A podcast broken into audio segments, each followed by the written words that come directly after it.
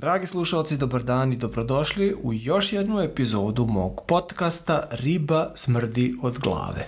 Danas ćemo pričati o tome kako je najbolje i najefikasnije pripremiti prodaju na LinkedInu.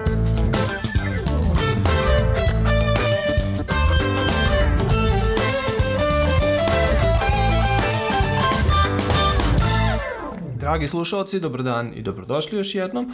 Moje ime je Darko Pavić i ja sam suvlasnik dve kompanije, Service Plusa i Fiscal Solutionsa. Oba dve su IT kompanije, aktivne u čitavom svetu u preko 20 zemalja i prilično uspešne. Naši osnovni kupci su ogromni, veliki, internacionalni trgovci i proizvođači POS softvera. Nevezano za to da li pričamo o prodaji koja se događa u fizičkom svetu ili onoj koja se događa na primjer u socijalnim mrežama, uspešnost prodaje ovisi u velikom procentu o tome da li je prodaja dobro pripremljena. U današnjoj epizodi ćemo pričati o pet najefikasnijih koraka koji dovode do toga da prodaja na LinkedInu bude uspešna. Ali, pre nego što uđemo u detalj, moramo objasniti par stvari. Prvo, ovde se radi o B2B prodaji. To je ono u čemu smo mi kao kompanija od samog početka aktivni. Drugo, Ovde se radi o digitalnoj prodaji, odnosno neki to nazivaju social selling, znači o prodaji u društvenim mrežama. Pošto se radi o B2B prodaji, najvažnija društvena mreža u momentu za tu vrstu prodaje je svakako LinkedIn. Tako da ćemo se mi u ovoj epizodi posvetiti naravno LinkedInu. Pa idemo redom. Prvi korak u pripremi, u efikasnoj pripremi za uspešnu prodaju na LinkedInu je svakako definisati jasan i merljiv cilj. To naravno vredi za bilo koju vrstu prodaje i ne samo u digitalnom svetu, nego naravno i normalna tradicionalna prodaja se zasniva na istoj tematici. Znači, pitanje je šta, koliko i u kom periodu hoću da prodam. Recimo, mi u Fiscal Solutionu smo aktivni u prodaji e, fiskalnih rešenja, između ostalog i fiskalnih radionica i, na primjer, moj cilj je da prodam pet workshopova koji će objasniti kupcima šta moraju da urade u Srbiji u kontekstu izmena fiskalnog zakona. I to želim da ostvarim u naredna dva meseca. Ovde bih želeo samo da napomenem po mom iskustvu ona vrsta prodaje uh, koja se zasniva na kontaktu pa videću šta ću im prodati to je većinom neuspešno. Daleko uspešnije kad imam konkretan cilj, znam šta hoću da prodam i onda sve što radim, radim u kontekstu ostvarenja tog konkretnog cilja. Drugi korak je definisanje prodajne priče. Pre nego što bilo šta počnem da radim, moram da razmislim o tome koja je moja prodajna priča. A osnovica prodajne priče je uvek pitanje zašto bi kupac kupio taj produkt baš od mene i zašto baš sada. Da bi to odgovorio, odnosno da bi sastavio pravu i uspešnu prodajnu priču, moram krenuti od problema koji kupac ima i zašto ja taj problem najbolje rešavam. U slučaju primera koji sam vam dao malo pre, znači moje želje da prodam pet radionica, kupac ima problem da u naredni šest meseci, znači do 1.1.2022.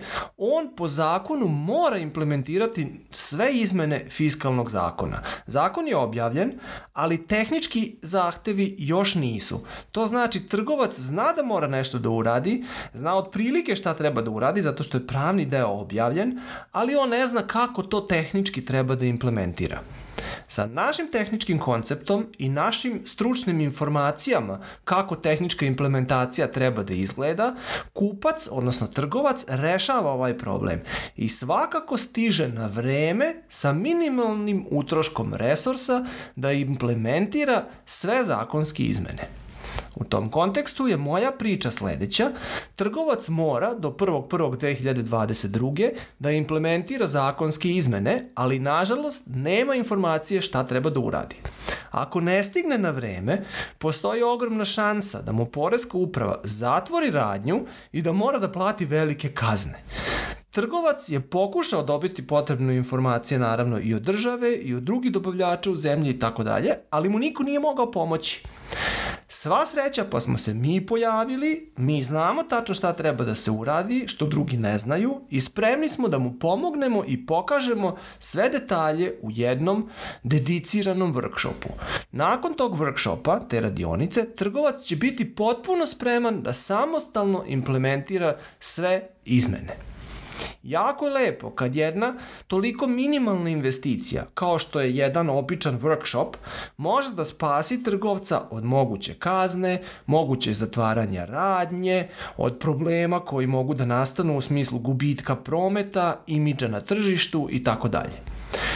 Pošto u momentu imamo jako puno zainteresovanih, trgovac mora što pre rezervisati naše konzultanta koji će mu odraditi workshop, inače naravno neće stići da na vreme sve implementira. Kad malo razmislite o ovoj priči i analizirate detalje, vidjet ćete da je u toj priči jako puno argumenta zašto baš ja, zašto moje rešenje, zašto ne može niko drugi, a ja mogu, zašto baš sada, ne kasnije i tako dalje i tako dalje. U daljnjem prodajnom procesu ja ne koristim uvek recimo čitavu priču i na taj način ispričanu, nego je ili suzim recimo, ovisno o tome s kim pričam, ili uh, koristim samo delove priče, tako reći. Treći korak je priprema ličnog profila za ovu konkretnu prodaju. Naime, da bi nekom nešto prodali na LinkedInu, morate biti prvo povezani s njim, da uopšte imate šansu da komunicirate. To se događa često tako što vi prvo pošaljete request za konekciju, onaj drugi na onoj drugoj strani pogleda vaš profil i onda odluči da li će se povezati s vama ili ne. Znači, onaj moment kad ta potencijalna konekcija pogleda vaš profil, to je taj kritični moment kad se donosi odluka da li mi je okej okay da se povežem ili ne.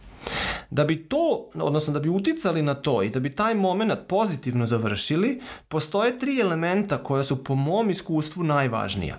Prvi element su fotografije koje se nalaze u zaglavlju i lična fotografija osoba čiji je profil. Lična fotografija mora biti kulturna, fina i normalna i on jednostavno mora biti ok, a fotografija u zaglavlju ne samo da je dobro da bude ok, nego ona mora da reflektira i ono zašto se povezujete sa tom osobom.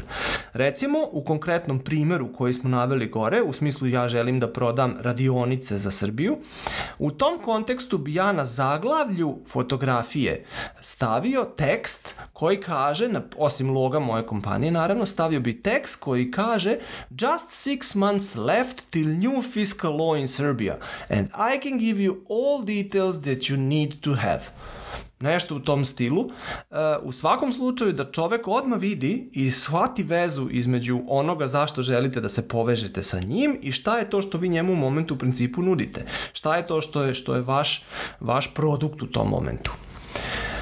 Kao sledeći element, ljudi gledaju onu, onaj deo profila koji se zove featured. Featured, uh, većinom onaj prvo ide about, pa onda featured, ovaj dio about, ja po mom iskustvu ljudi većinom preskoče, ali se zakače na onaj featured. Tako da je jako bitno da u featured području stranice, profila, imate barem tri vidljiva elementa sa temom koja je vezana za vašu prodajnu akciju. Opet, u našem primeru se radi o fiskalnom zakonu u Srbiji, o izmenama, znači treba bi da imam barem tri članka, pošto su tri vidljiva, tri članka ili posta koji su kao featured, a tiču se Srbije i srpskog zakona. Ako ih nemate, napravite ih. E, treća stvar što ljudi gledaju, odnosno treći element koji ljudi gledaju, on je možda i najvažniji.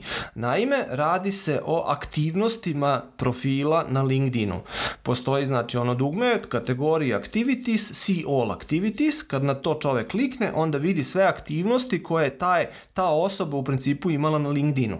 To je jako važno i najčešće se taj deo gleda da bi ustanovili da li je to što ta osoba, uh, uh, taj vlasnik tog profila, da li je to što on radi na LinkedInu, da li to odgovara s onim što vi želite, što vi radite i što vi volite.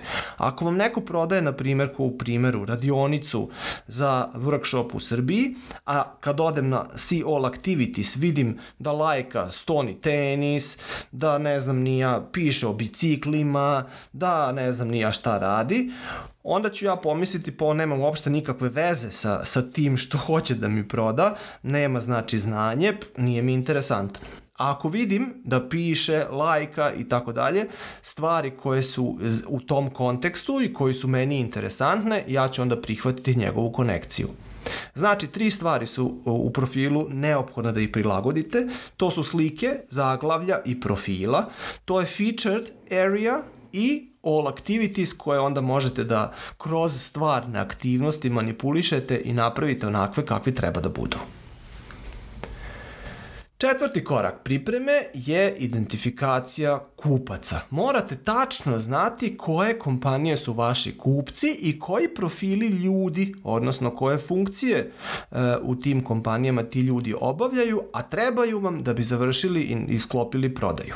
U kontekstu mog primera prodaje workshopova za fiskalizaciju u Srbiji, naši kupci su znači internacionalni trgovci, kažem internacionalni, mada su svi, ali internacionalni imaju veći problem. Internacionalni trgovci ili post software proizvođači i onda ljudi koji odlučuju, a to su većinom CEO-evi, znači direktori uh, odeljenja koje se bave informatikom kod trgovaca, na primer, ili voditelji razvoja kod proizvođača post softvera.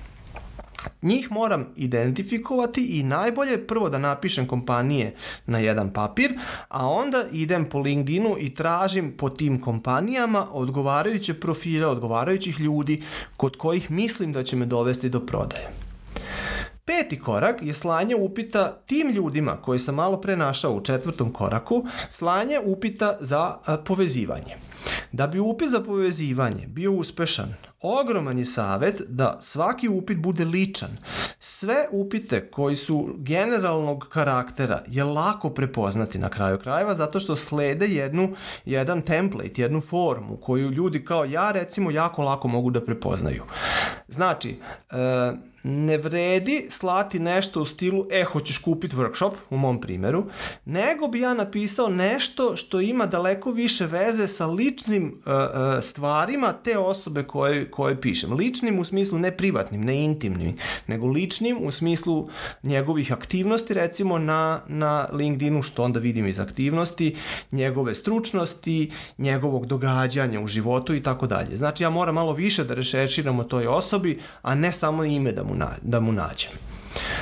Uh, to znači pismo je jako važno. Ja bi recimo kad bi pisao tako nešto, rekao bi u svakom slučaju nešto u smislu da je e, fiskalizacija vrlo kompleksna tematika, što on već sigurno zna, da je e, često veliki pritisak za implementaciju, što se upravo vidi u, u Srbiji zbog nedostatka vremena. Rekao bi da sam ja aktivan u tom svetu i da jako dobro razumem ovaj, njegovu problematiku, odnosno da vladam jako dobro stručnim informacijama i da bi me jako radovalo naravno da s njim razmenim moja iskustva, i moje znanje i da mislim da bi to i njemu i meni pomoglo. Kad bi to još podkrepio nekim činjenicama, u smislu video sam da ste otvorili radnju u Italiji, znam da je Italija problematična, svaka vam čast, e, sledeća vam je verovatno Srbija, zar ne? Znači, ako rešeširam malo više o tom čoveku, nađem neke tačke i njih dodam u, u to pismo e, gde ga pitam za konekciju, verovatnoća uspeha je skoro zagarantovana. Ok, znači pet koraka, ako tih pet koraka dobro odradite, verovatnoća da će vas željena osoba prihvatiti za konekciju je skoro 100%. Ja mogu da kažem da je moja uspešnost u smislu traženja pravih konekcija i stvaranja veze sa njima 90-95%. Ako radim ovih pet koraka. Nemojte zaboraviti da 95% prodaja bude neuspešno zbog loše pripreme. Znači, posvetite pažnju i posvetite vreme dobroj pripremi, time ste odradili već pola stvari i više od pola da bi bili uspešni. Nadam se da će vam ovo pomoći da i vi vašu B2B prodaju na LinkedInu bolje i lepše i efikasnije organizujete i pripremite. U jednoj od sledećih epizoda ćemo obraditi temu šta dalje, znači kad sam već stvorio konekciju, kad sam došao do potencijalnog kupca, kako dalje da dođem do toga da stvarno i ostvarim prodaju. O tome u jednoj od sledećih epizoda. Drago mi je da smo se ovaj put slušali i nadam se da ćemo se uskoro ponovo slušati. Lep pozdrav!